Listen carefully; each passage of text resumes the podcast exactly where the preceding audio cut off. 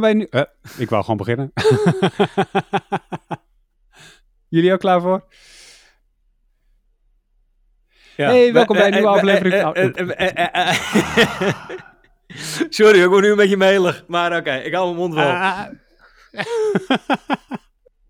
ik ga het gewoon weer proberen. Ja, dan ga je gang.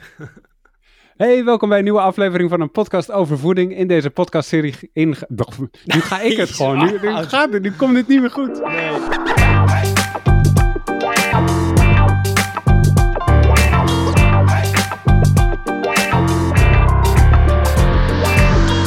Hey, welkom bij een nieuwe aflevering van een podcast over voeding. In deze podcastserie gaan we in op de wetenschap achter voeding en laten we wetenschappers aan het woord over allerlei thema's die met voeding te maken hebben. En vandaag hebben we de gast professor Dr. Luc van Loon.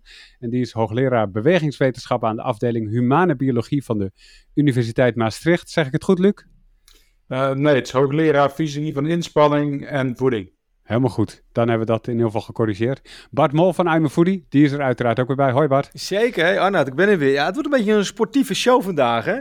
Dus uh, we moeten goed opletten met de spieropbouw en eiwitten. En dan weet je eigenlijk ook na het luisteren van uh, de show of je gelijk moet gaan beginnen met uh, allerlei poeders en shakes. Of dat we wellicht toch andere middelen of producten eerst moeten nemen. Maar ja, Luc gaat het ons vertellen, denk ik. Dat denk ik ook. Maar Luc, voordat we bij, uh, bij uh, het hoofdonderwerp aankomen, wat is je grootste voedingsfrustratie van de afgelopen tijd? Want dat is altijd waar we beginnen in deze podcast. Nou, ik heb geen specifieke voedingsfrustratie, maar ik moet wel eerlijk wezen dat je veel studenten steeds meer tegenkomt die hun informatie van YouTube afgehaald hebben. Mm waarbij natuurlijk concepten als meer is beter, ridiculous supplementen, enorme hoeveelheden, dat soort zaken, waarbij de aandacht voor een goede voeding meestal uh, te kosten gaat uh, aan het, uh, ja, het suggereren van allerlei supplementen en dat soort zaken. Ja, dus je ziet studenten die steeds meer op die manier informatie tot zich nemen en daardoor een soort van gefilterd beeld krijgen van wat gezond of goed is? Correct. En hoe, hoe uitzicht dat? Nou, dat mensen komen, ik bedoel zelfs dat mensen zeggen van, hé, hey, wat moet ik gebruiken om uh, meer spiermassa te krijgen? Of wat, uh, moet, ik, uh, wat moet ik kopen om, om dit of dat? Terwijl ze niet beseffen dat wat ze elke dag eten, zeg maar een onderdeel is van hun eigen leven. En dat alle eiwitten die in de normale voeding voorkomt, een belangrijk onderdeel zijn om hun spiermassa en ook in andere wijzels in stand te houden. En daar heb je niet per se al supplementen voor nodig. supplementen uh, ja, het woord zegt het al, is als je niet onvoldoende krijgt van iets, dan kun je een supplement gebruiken. Uh, dat betekent dus eigenlijk dat ergens je, je, je, je voeding tekort schiet of niet optimaal is. Nou ja, dan zou ik zorgen dat je eerst iets aan je voeding doet en daarna kijkt of het nog praktisch is om een supplement erbij te gebruiken. Want vaak, zeker in de sport, zijn de supplementen niet omdat er een deficiëntie in de voeding zit, maar om het gemak, om aan de juiste voedingsnutriënten te komen in een situatie waarin het moeilijker is te eten. Denk maar aan een sportdrankje. Dat kun je gebruiken op een fiets. Maar je zou in principe ook een bord pasta op de fiets kunnen eten. Maar dat is niet zo praktisch op de fiets. dus het is een praktische vorm om de nutriënten te krijgen die je nodig hebt. En ja, vaak wordt daar eh, heel spastisch over gedaan natuurlijk in de media. En ja, dat is jammer hey, maar ik ga nog even terug naar de, waar de studenten hun kennis vandaan krijgen. Omdat je daar zei van dat dat op een bepaalde manier frustreert. Hè? Dat je zegt, joh, van je, in, in YouTube. Heb je dat door de jaren heen dan zien veranderen? Dat het dan nu blijkbaar op YouTube is? Of dat het al via social media gaat? Dat ze via TikTok of zo al, uh, ja, dat ze zeg maar dat als bron gebruiken? Of ja, hoe heb je dat door de jaren heen zien veranderen? er is natuurlijk steeds meer informatie te verkrijgen. En vroeger moest je gewoon de bibliotheek in en dan had je je tekstboeken. En misschien dat je dan, als je ver genoeg in je, als het ook dat je vakgebied is of het onderwerp is wat je studeert, dan ging je de academische bibliotheek in om op PubMed artikelen te gaan zoeken, of zelfs nu in de bibliotheek niet eens online destijds. Kijk, dan ga je naar echt de literatuur. Uh, dat is natuurlijk altijd een stuk taaier en moeilijker uh, te bevatten dan wanneer je eventjes uh, een uurtje gaat liggen YouTube, TikTokken of googlen op allerlei zaken, waarbij je opeens een heleboel informatie krijgt, waarvan het niet altijd duidelijk is of die informatie ook correct is. En leer je studenten dan ook om dat soort informatie te, te filteren of te checken? Of hoe, wat, nou, wat dit, is dit soort dingen wat we, wat we wel vaker doen, is dat we, dat we mensen bijvoorbeeld in, in onze opleiding in de, in de master uh, sportvoeding, kijken we bijvoorbeeld ook dat mensen bijvoorbeeld advertenties laten maken. Zelf een advertentie laten maken om te kijken van, hey, hoe kan ik een verhaal of een hypothese vertalen naar een product? En dan mhm. ga je dus, en ook dingetjes uit de media te halen en dan kijken, wat is hier waar van? Wat is hiervan wel bewezen? Wat is hier een mogelijk uh, wetenschappelijke achtergrond? En mag je dit soort claims wel maken? Dus dat is een soort wel een, een tool waarbij we mensen een opdracht geven om kritisch te gaan kijken naar wat er in de media eigenlijk uh, voorhanden is. En dat vinden ze meestal ook heel leuk, want dan is het meteen heel praktisch natuurlijk. Hè? En heb je ook wel eens de opdracht gegeven om een YouTube-video te maken zoals ze die tegenkomen, maar dan met in elk geval goede gecheckte informatie?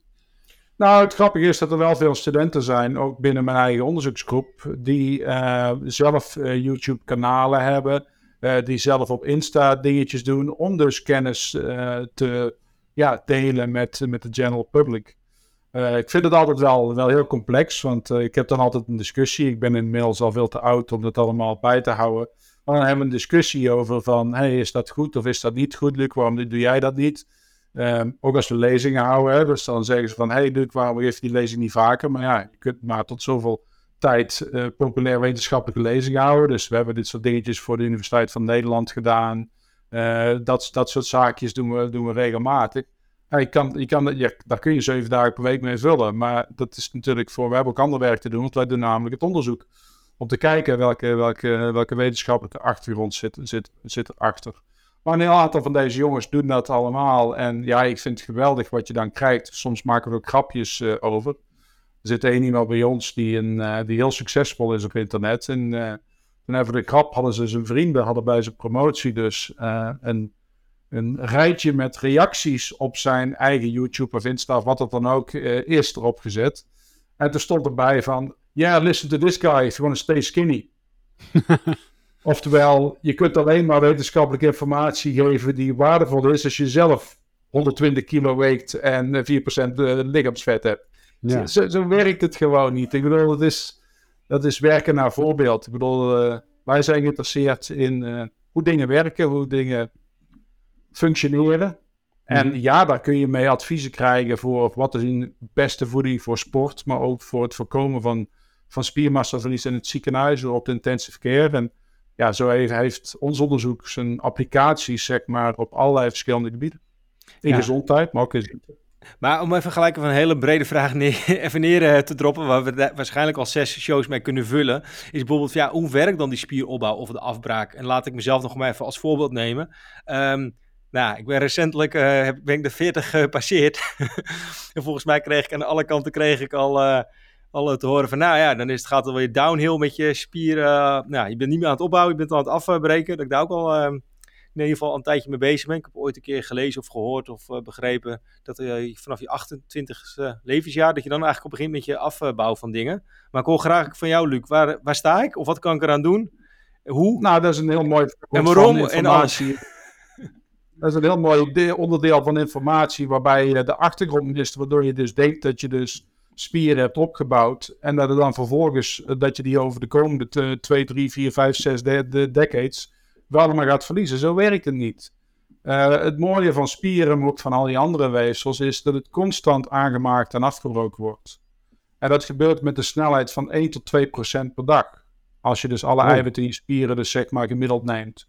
Dat betekent dus dat je in 50 tot 100 dagen je spieren volledig afbreekt en weer opbouwt stukje bij beetje. Niet dat je nieuwe spiervezels krijgt, maar gewoon elk onderdeeltje wordt vervangen. Net zoals dat je aan een huis bezig bent, waarbij je bijvoorbeeld de badkamer vernieuwt, het jaar erop de keuken. Het huis staat er nog steeds, maar je bent het constant aan het vernieuwen. Steeds onderdeeltjes worden vernieuwd en ook hergebruikt. En zo ben je constant bezig met je spieren te, aan te maken en af te breken. En dat doe je op je zesde, dat doe je op je twintigste, dat doe je ook op je veertigste. En als je op je tachtigste nog leeft, doe je het ook nog op je tachtigste. Dat gaat dus continu door. Dus het is niet zo dat je langzaam spiermassa aan het verliezen bent. Je, als je met de klimmen van de leeftijd spiermassa verliest, betekent alleen maar dat je minder aan het aanmaken bent dan dat je aan het afbreken bent. En dat zorgt voor een langzaam afname van spiermassa. En hoe, waarom, waarom eh, kan die spiermassa afnemen of toenemen? Wat voor factoren hebben daar het meeste invloed op? Nou ja, dan moet je kijken naar wat zorgt, wat is de stimulus? Dus wat stimuleert de spieraanmaak? En de twee belangrijkste factoren die spieraanmaak stimuleren zijn eiwitinname in de voeding Mhm. ehm, en fysieke activiteit. En het grappige is dat die twee samen, die versterken de zaak. Dus samen hebben ze ook een synergie, noemen we dat dan.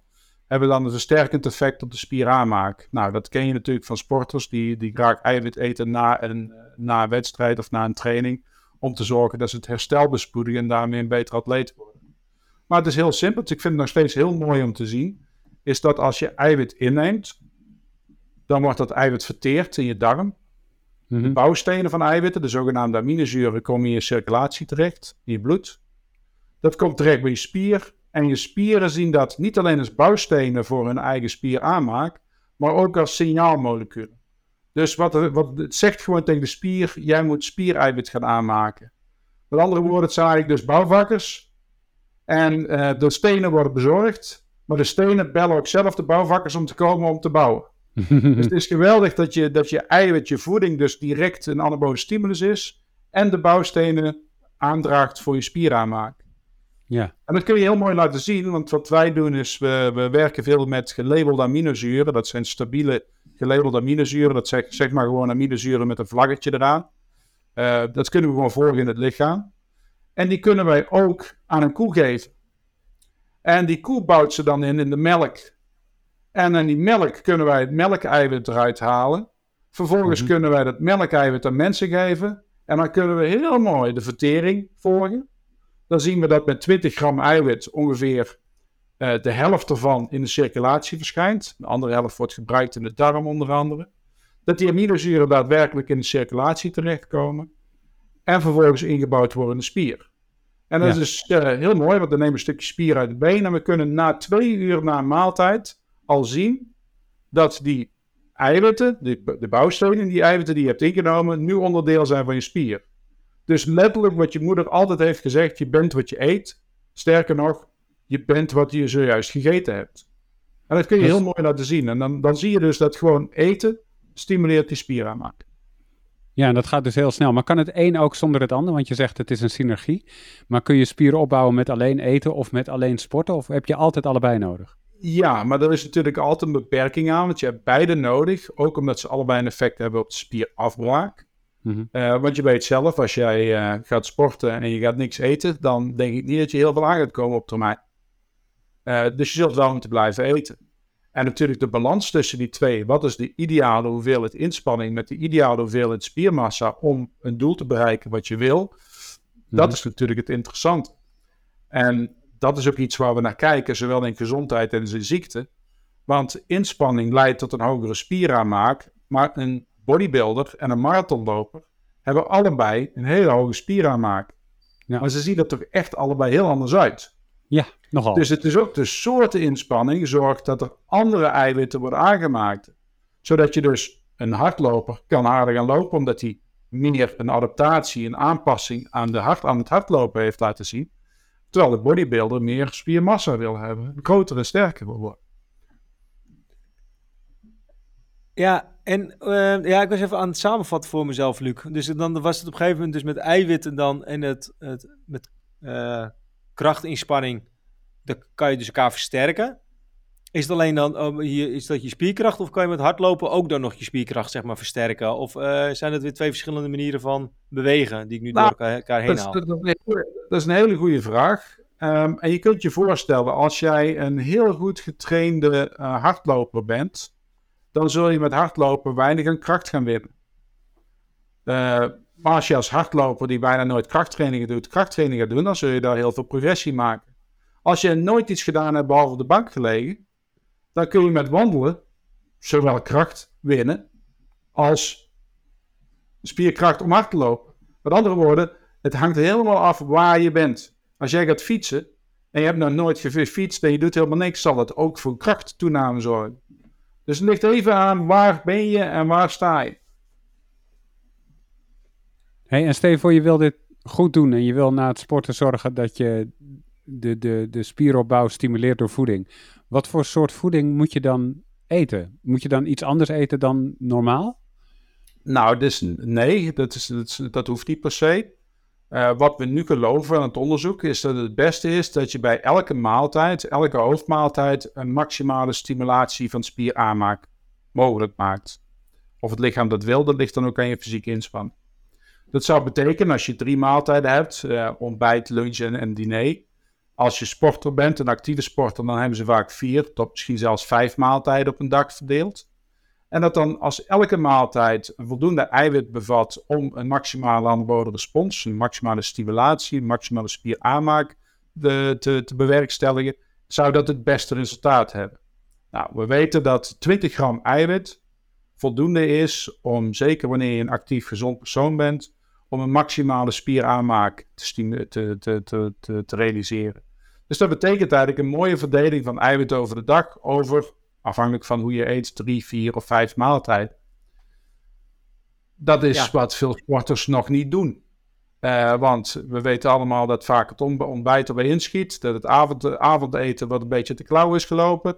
En dat mensen eventueel na de training gewoon naar bed gaan en niet nog zorgen voor een, kleine eiwitrijke snack. Nou, dat zijn dingetjes waar we mee bezig zijn, zowel in de sportsfeer, maar ook in de, in, in ziekte. Uh, van hoe kunnen we nou zorgen dat je het juiste kunt eten? Nou, de andere vraag die je stelde is van, bij welk eiwit dan? Nou ja, elke, in je voeding zit altijd eiwit. Mhm. Sommige eiwitten zijn van dierlijke oorsprong. Denk aan zuivel, denk aan vlees, vis, uh, kip, whatever. En andere zijn van, uh, van plantaardige uh, oorsprong. ja, denk aan gewoon brood, of denk aan aardappelen, of denk aan whatever. dus, dus we krijgen in onze West-Europese wereld pakweg zo'n 60, uh, 60% 65 procent. Um, ligt er een beetje aan welke, welke groep je bekijkt. Maar zeg iets van 60% 60, 70 procent dierlijke eiwitten. En uh, 30, 40 procent plantaardige eiwitten binnen. Ja. Nou, er zijn er wat verschillen. Ja, mag ik nog heel veel inhaken? Want wat ik noemde, je noemde tussendoor, noemde je even, ja, dan heb je na het uh, sporten doe je bijvoorbeeld een eiwitsnack. Maar als je dat heel concreet wil uh, maken, ik heb een half uurtje hard uh, gelopen s'avonds, gewoon matig intensief, weet je. Ik ben bezig met een, het trainen voor de Dam to Dam. Hierbij is iedereen trouwens uitgenodigd om te kijken. ik weet niet welke toptijd ik ga neerzetten. Maar is het zo dat, ik ben nu nog een beetje, dat ik een beetje een half uur 35 eh, minuten bezig ben, is dan uh, karnemelk, is dat dan mijn uh, eiwitsnack? Of moet ik aan de Griekse yoghurt 10% zitten? Moet ik daar nog honing in doen? Of dadels? Of fruit? Ik bedoel, ja. Nou ja, dat, dat is eigenlijk meer een beetje van je eigen smaak en wat je, wat je fijn vindt. Kijk, op het moment dat jij geen zorgen maakt over je gewicht, ik bedoel, ik zie alleen maar je hoofd en zo te zien heb je geen zwaar overgewicht. Dus, dus dus dan denk ik van, dan mag er best, best wat fruit of wat honing of wat suiker of weet ik veel uh, in je yoghurt zitten. Maar 20 gram eiwit, ja, denk aan, uh, denk aan een bakje yoghurt, denk aan uh, een paar eieren, denk aan een stukje vlees, denk aan een gewoon, ja... Er zijn zoveel verschillende, verschillende opties. Ik bedoel, je ziet nou heel vaak van die producten, van die zuivelproducten, waarop dan heel groot 20 gram staat. Dan weet je ook waar die 20 gram vandaan komt. Ja.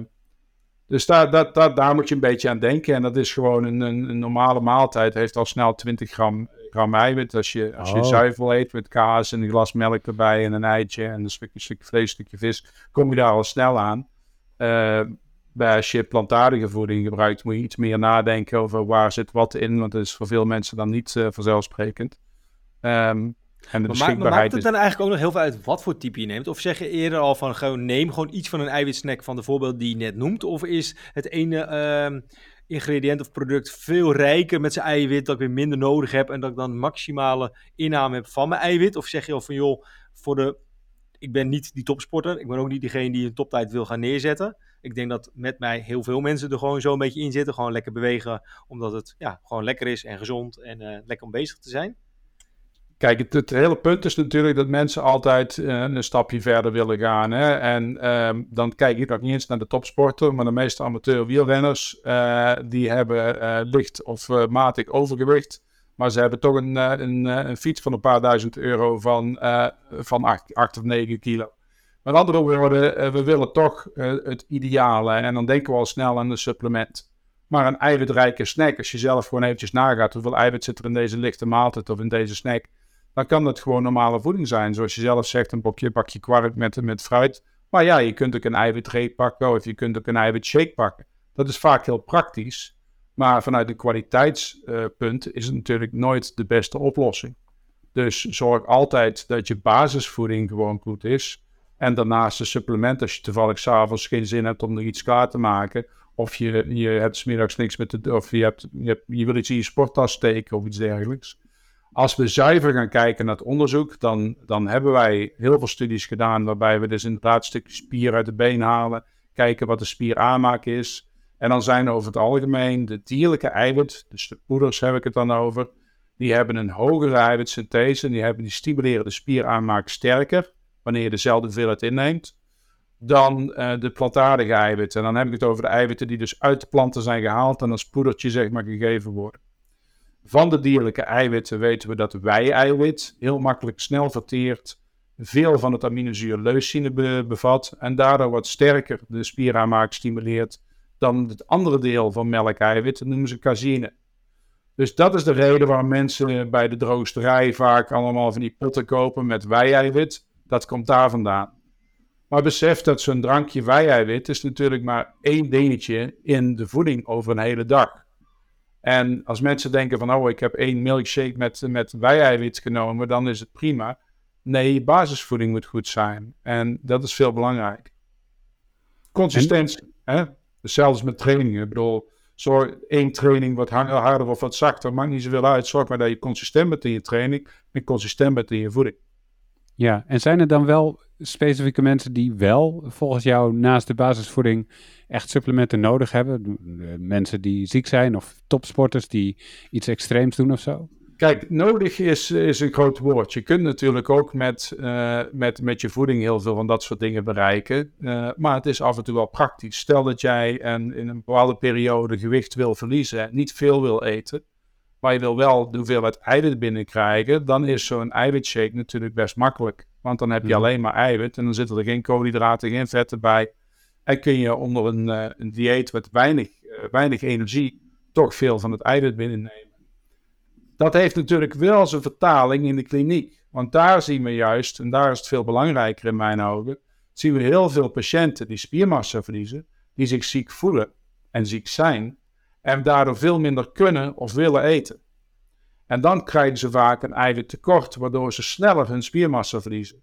En in zo'n gevallen is eiwitverrijkte voeding, heeft een meerwaarde. En dat kunnen van die, die flesjes zijn, hè, die je in het ziekenhuis krijgt, van die flesjes met die bijvoeding. Het kunnen gewoon de gewone voeding zijn waarbij ze die verrijkt hebben met eiwitpoeders. Denk aan eiwit in de vla of in de soep of in het brood extra.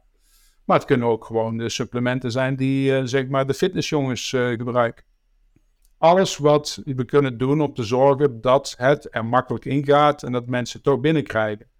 Want als ze veel minder eiwit gaan eten dan ze normaal gewend zijn, dan is tijdens immobilisatie of bedrust is het spierverlies sneller. En dat wil je mhm. eigenlijk voorkomen. Of in ieder geval zoveel mogelijk afremmen. Ja, dus als ik je zo een beetje tussen de regels door hoor, denk ik van die, al die supplementen die in al die schappen in de supermarkt liggen, een beetje overbodig voor als je gewoon aan het sporten bent en gewoon je spieren wil laten herstellen. In heel specifieke situaties wel nodig, maar uh, voor de rest eigenlijk niet.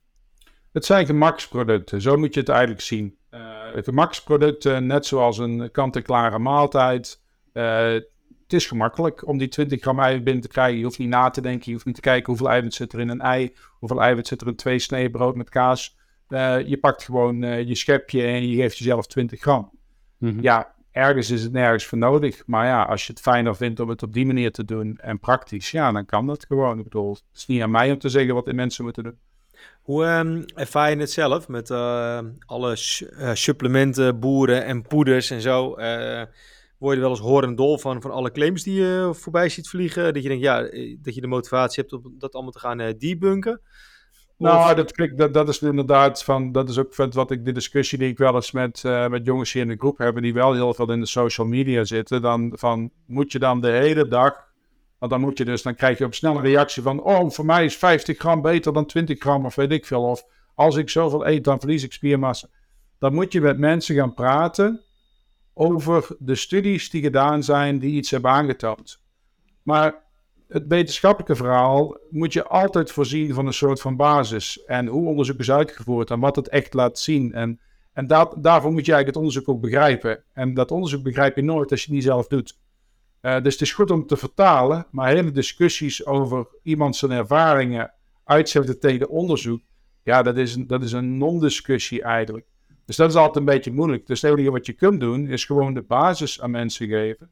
En op basis daarvan kunnen ze besluiten van, hey, is het al verstandig om dit te doen of dat te doen? Met welke uh, onderzoeken ben je nu bezig, waarvan je al de, bepaalde inzichten hebt of resultaten die binnenkort gaan komen, waarvan je zegt, hey, dat zijn echt wel ja, nieuwe inzichten uh, ja, die, die ons verder gaan helpen? Wat kan je daarover zeggen?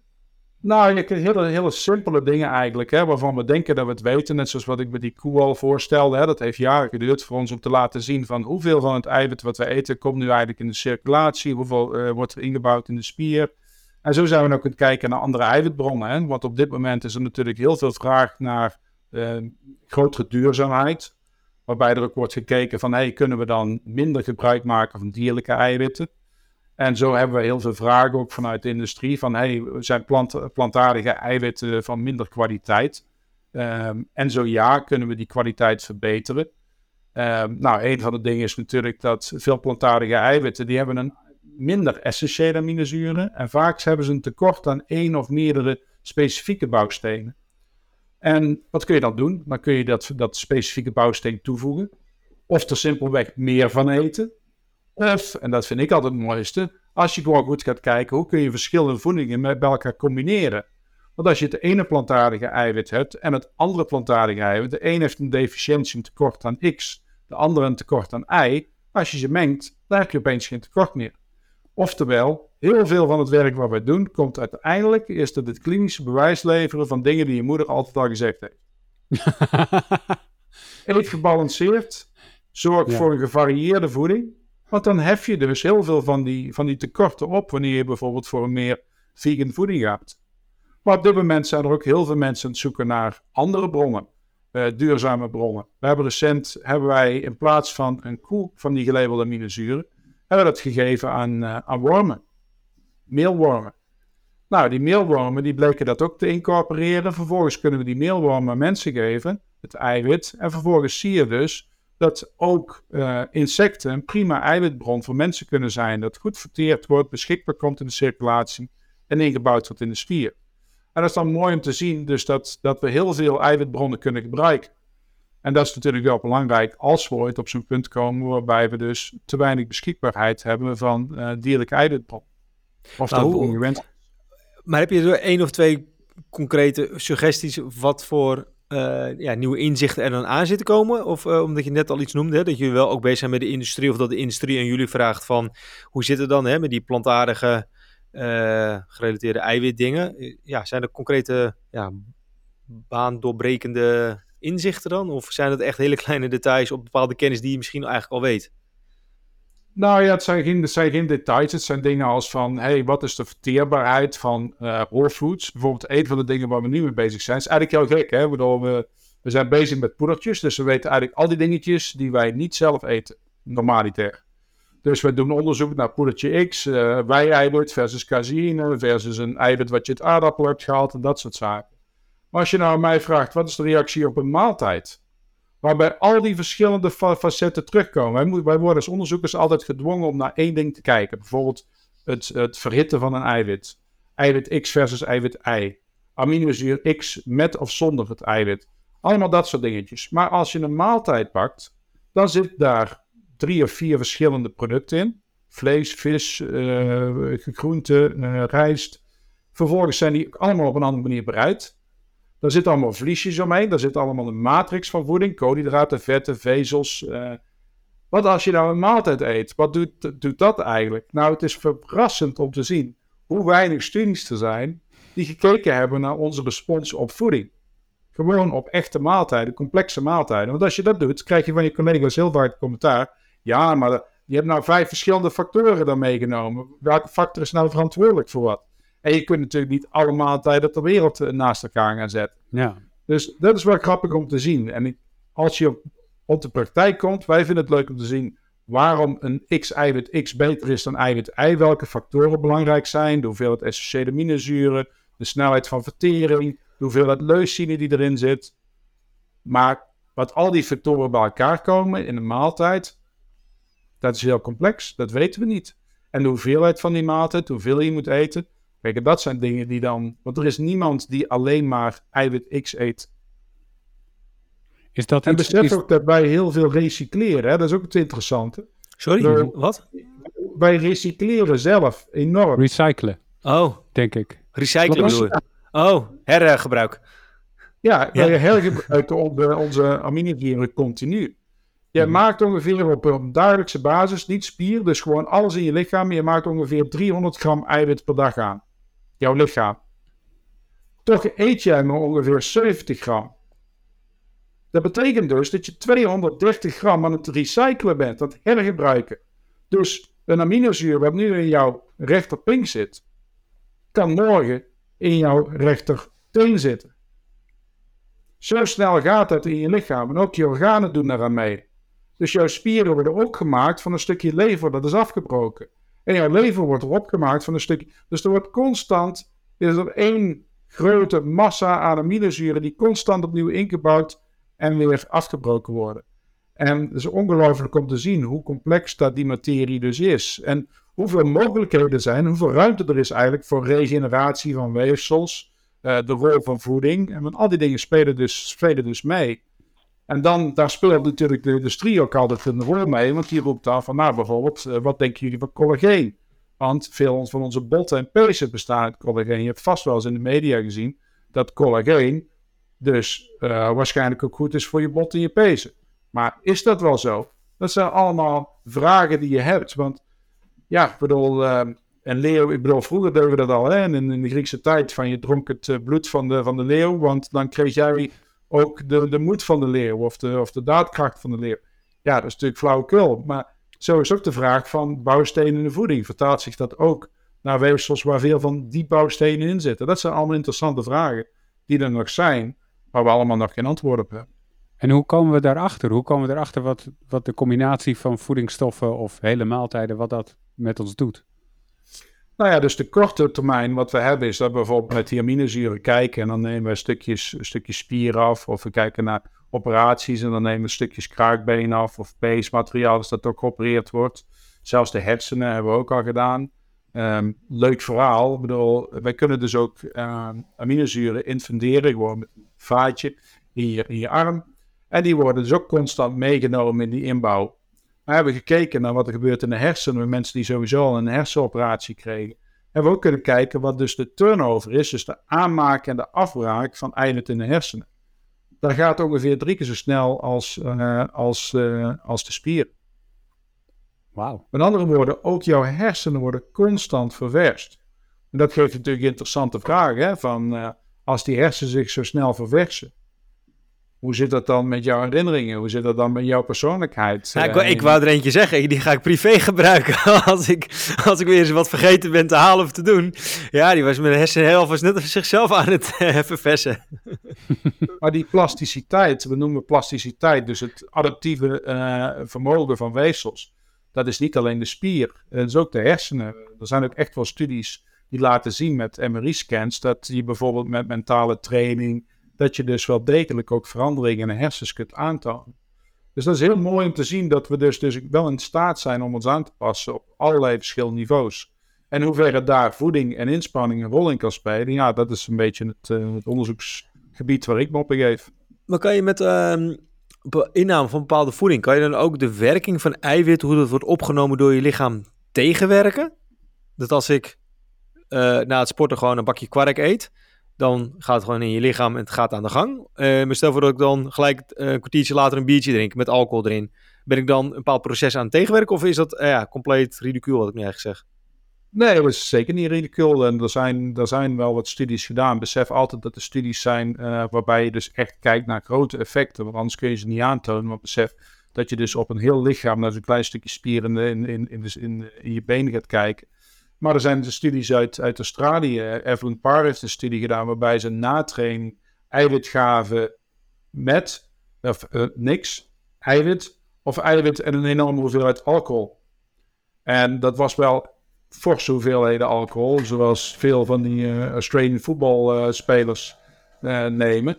Mhm. Nou, wat zag je is dat die, die alcohol wel degelijk de herstel, het herstel ja, minder sterk maakte en, en, en, vertraagde. En dus een, echt een enorme hoeveelheid eiwit tijdens de herstelperiode kan een negatief effect hebben op je herstel en je spieraanmaak. Oké, okay, dus ja, bier gaan nou drinken na het voetbal is eigenlijk helemaal geen goed plan. Ja, dat weten we dan niet. Dat weten we niet, maar ja, het moet ook nog leuk blijven natuurlijk, hè? Ja, is ook zo. Is ook zo. Het is ook voor de lol. hey, uh, uh, Luc, heb je uh, nog drie praktische tips voor, voor onze luisteraars waar ze, waar ze wat mee kunnen als ze deze, deze podcast hebben afgeluisterd? Ja, um, verkijk je niet te veel op, op supplementen, maar denk aan de basis als een goede voeding. Mm -hmm. Gebruik supplementen alleen als het jou in staat stelt om praktisch je, doel, je voedingsdoel te bereiken, wat anders niet haalbaar is. En besef dat consistentie van training je verder brengt uh, dan uh, welk supplement of, uh, of nutraceutical of wat je dan wil nemen. Consistentie van training is veel belangrijk. Yes, duidelijk verhaal. Hey, en als laatste vraag, welke, welke, wie zouden we als volgende gast moeten vragen in deze podcast? Oh, goede vraag. Ik wist dat daar nog over na moest denken. Um, nou, je zou eens uh, Lisette Groot kunnen vragen. Die veel met uh, voeding bij ouderen. Van hoe mm -hmm. krijg je dat nou voor elkaar? Uh, en het zou ook Arthur van Zanten kunnen zijn. Die Gelderse Vallei. Voeding, eiwit in, de, in de intensive care. Mm -hmm. En zo zijn er nog wel wat, wat meer mensen die... Oké, okay, mooi. Ja, dank voor deze mooie tips. Daar, eh, daar, daar kunnen we verder mee. Ik heb, ik heb Bart uh, zien meetypen, dus uh, het is genoteerd in elk geval. Hey Bart, heb jij tot slot van deze aflevering nog dingen vanuit I'm Foodie die je even onder de aandacht wil brengen? Jeetje, ik had me even niet deze vraag voorbereid, uh, Arnoud, maar nee. ja, wordt vriend van de show. vriendvandeshow.nl slash pof. Een podcast over voeding. En ja, ik denk ehm, dat ons gezonde kookboek Eet als een expert parttime, dat dat een, uh, goed uh, leuke, goede, gezonde recepten zijn. En uh, anders, een van onze andere boeken, ook veel eiwitrijke recepten. Dus wat dat betreft... Ik, ik, dacht specifiek aan eten als een atleet eigenlijk, dat je die zou noemen. Ja, nou ja, die, die, dat is, echt, eigenlijk ook wel een goede. Er staat, de voedingspyramide staat er ook in. Dus dat is wel een ja. goede. Die gaat gewoon op basis van basisvoeding en dan sportspecifieke voeding. En het topje van de, van de piramide is dus de supplementen. Uh, nou, wat uh, Luc zelf ook al heeft uh, verteld. Ik denk dat het een goede toevoeging is. En misschien eigenlijk ook nog wel de show met ehm, Renger Witkamp. Die hebben ook een hele show toen een keer gewijd aan, aan, aan supplementen. Dat is ook ja. heel relevant. Yes. Dan wil ik tot slot nog even zeggen, vind je deze eh, podcast nou leuk? Geef ons uh, vijf sterretjes in je favoriete podcast app. Dat helpt anderen ook ons te vinden. En als je denkt van, hé, hey, deze aflevering is echt heel interessant voor iemand die je kent. Vergeet niet gewoon die aflevering te delen. Uh, hoe meer mensen ons luisteren, hoe, hoe beter het is natuurlijk. hey Luc, dankjewel voor je aanwezigheid vandaag. Alsjeblieft. En dankjewel Bart. Ja, zeker. Het was me weer genoeg, Arnoud. En dan binnenkort kunnen we weer een leuke show maken. Yes, dat denk ik ook. Jij dankjewel voor het luisteren en uh, tot de volgende keer. Later.